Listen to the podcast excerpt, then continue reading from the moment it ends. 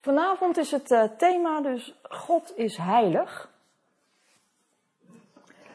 En er zijn, in wijze zijn er twee beelden over God die mensen hebben, gelovigen zoals ongelovigen. En zij zijn allebei niet waar. Maar ze vormen eigenlijk allebei het uiterste van een spectrum. En de ene kant is het beeld dat God een oordelend God is. Het ene beeld ziet God als een God die geen enkele vorm van zonde door de vingers ziet. En mensen zijn door en door zondig en God kan mensen alleen in Jezus Christus aanzien. En het is een God die eigenlijk altijd boos is en er altijd mee bezig is om te kijken of we niet iets verkeerds doen. En Christopher Hitchens die zei over deze God, ik denk dat het vreselijk zou zijn als het waar was. Als er echt een voortdurende, totale 24 uur goddelijke supervisie en surveillance was over alles wat je doet, zou je nooit een slapend of een wakend moment hebben waarop je niet werd bekeken of gecontroleerd en waarop je werd toegezien door een hemels wezen vanaf het moment van je conceptie tot het moment van je dood.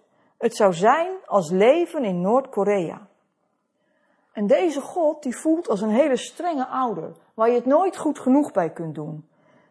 Maar de liefde van God raakt op deze manier een beetje ondergesneeuwd en lijkt afhankelijk te zijn van ons gedrag. En als tegenhanger van dit verschrikkelijke beeld kijken we soms naar een God die lief is en alles over zijn kant laat gaan. Een soort teddybeer of een vriendelijke oude man die minzaam toekijkt en glimlacht bij alles wat we doen. Een soort universele, kosmische liefde. Het is geen God die straft of snel beledigd is. Maar de theoloog Richard Niebuhr zegt over deze God: Een God zonder toorn bracht mensen zonder zonde in een koninkrijk zonder oordeel door het werk van een Christus zonder kruis.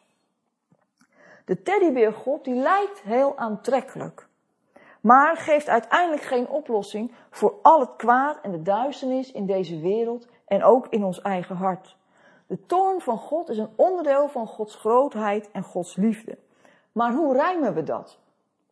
In de Bijbel lezen we dat God niet alleen liefde is, maar hij is ook heilig. In Exodus 15, vers 11, dat is het lied van Mozes, dat Mozes zingt bij de, bij de Rietzee na de overwinning. Daar staat, wie onder de goden is uw gelijke, Heer? Wie is uw gelijke, zo onzagwekkend en heilig? Wie dwingt zoveel eerbied af met roemrijke daden? Wie anders verricht zulke wonderen?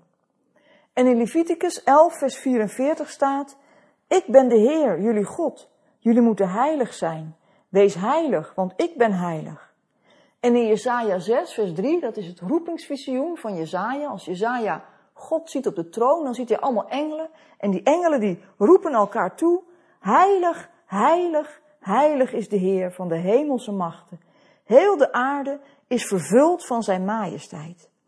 Heiligheid is de kern van Gods wezen. Net als liefde. God God doet niet heilig, hij is heilig.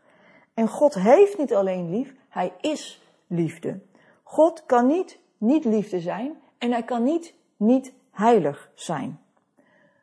Maar dat geldt niet voor de toorn van God. Toornig zijn of straffen is iets wat God doet en niet wat hij is. En dat is een belangrijk onderscheid. Want veel mensen beginnen bij Gods toorn als ze naar God kijken, in plaats van bij zijn heiligheid. God is van nature heilig en goed. God is niet van nature toornig. En wat is dan de rol van Gods toorn in zijn heiligheid? En daarvoor wil ik graag met jullie lezen uit Hebreeën 12, de versen 18 tot en met 29.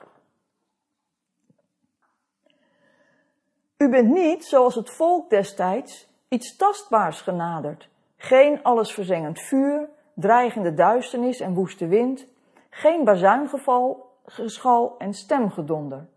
Toen het volk die stem hoorde, smeekte het dat er geen woord meer tot hen zou worden gesproken, omdat wat hun werd opgelegd ondraaglijk was.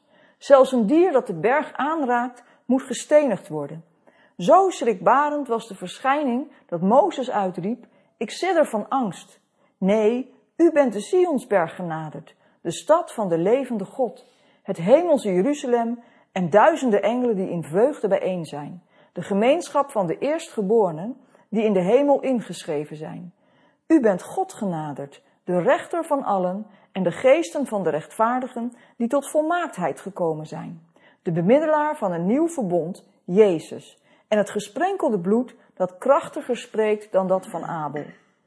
Let op dat u hem die spreekt niet afwijst, want als zij al niet ontkomen zijn toen ze degene afwezen die hen op aarde onderrichten, dan kunnen wij, wanneer we ons afkeren van degene die dat vanuit de hemel doet, helemaal niet ontkomen. Destijds deed zijn stem de aarde beven. Nu heeft hij deze belofte gedaan. Nog eenmaal zal ik de aarde doen beven, en niet alleen de aarde, maar ook de hemel.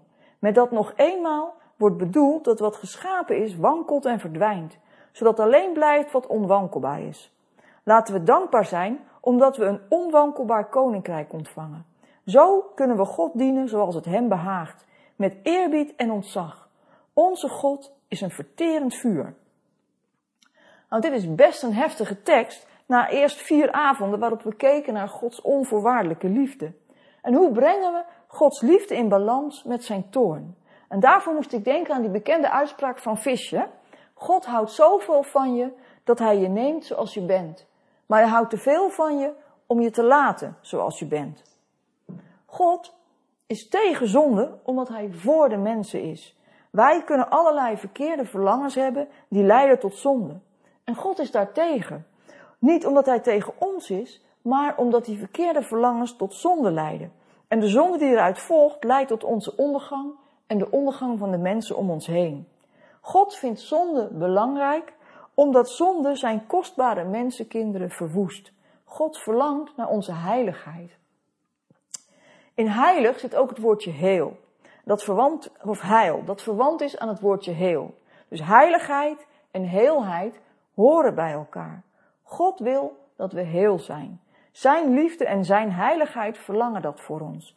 Daarom is hij tegen zonde, want zonde zorgt juist voor gebrokenheid. Wij denken vaak dat de zonde komt voor de genade. Alsof genade het antwoord is op onze zonde. Maar dat is het beeld van de toornige God. En dat is niet waar. Want Gods eerste en Gods laatste woord is genade. Het beeld van Gods liefde.